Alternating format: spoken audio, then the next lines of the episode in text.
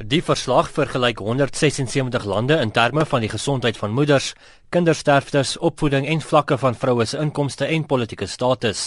Suid-Afrika staan op nommer 77 in 'n lys van die wêreld se beste en swakste lande om 'n maat te wees.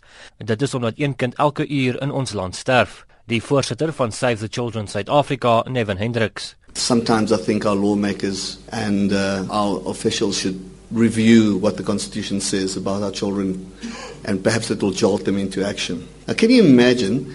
This is a country that produces some of the best medical professionals in the world, and we have such an unacceptable rate of death amongst our babies. If this doesn't spur us into action, then nothing else will. Volgens die verslag sterf 55 babas elke dag binne 'n maand na geboorte in Suid-Afrika. Dit dui daarop dat hoewel die land vordering gemaak het in die vermindering van kindersterftes deur antiretrovirale behandeling beskikbaar te stel, is daar min vordering gemaak met die vermindering van kindersterftes. Die uitvoerende hoof van Save the Children SA, Pam Innes. So then what's the issue?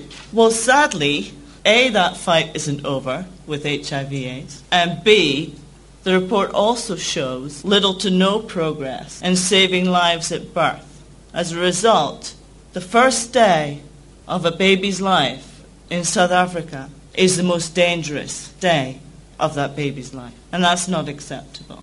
Uit 176 lande wat aan die studie deelneem, staan Finland in die eerste plek gevolg deur Swede, Noorwe, IJsland en Nederland met die FSA op nommer 30.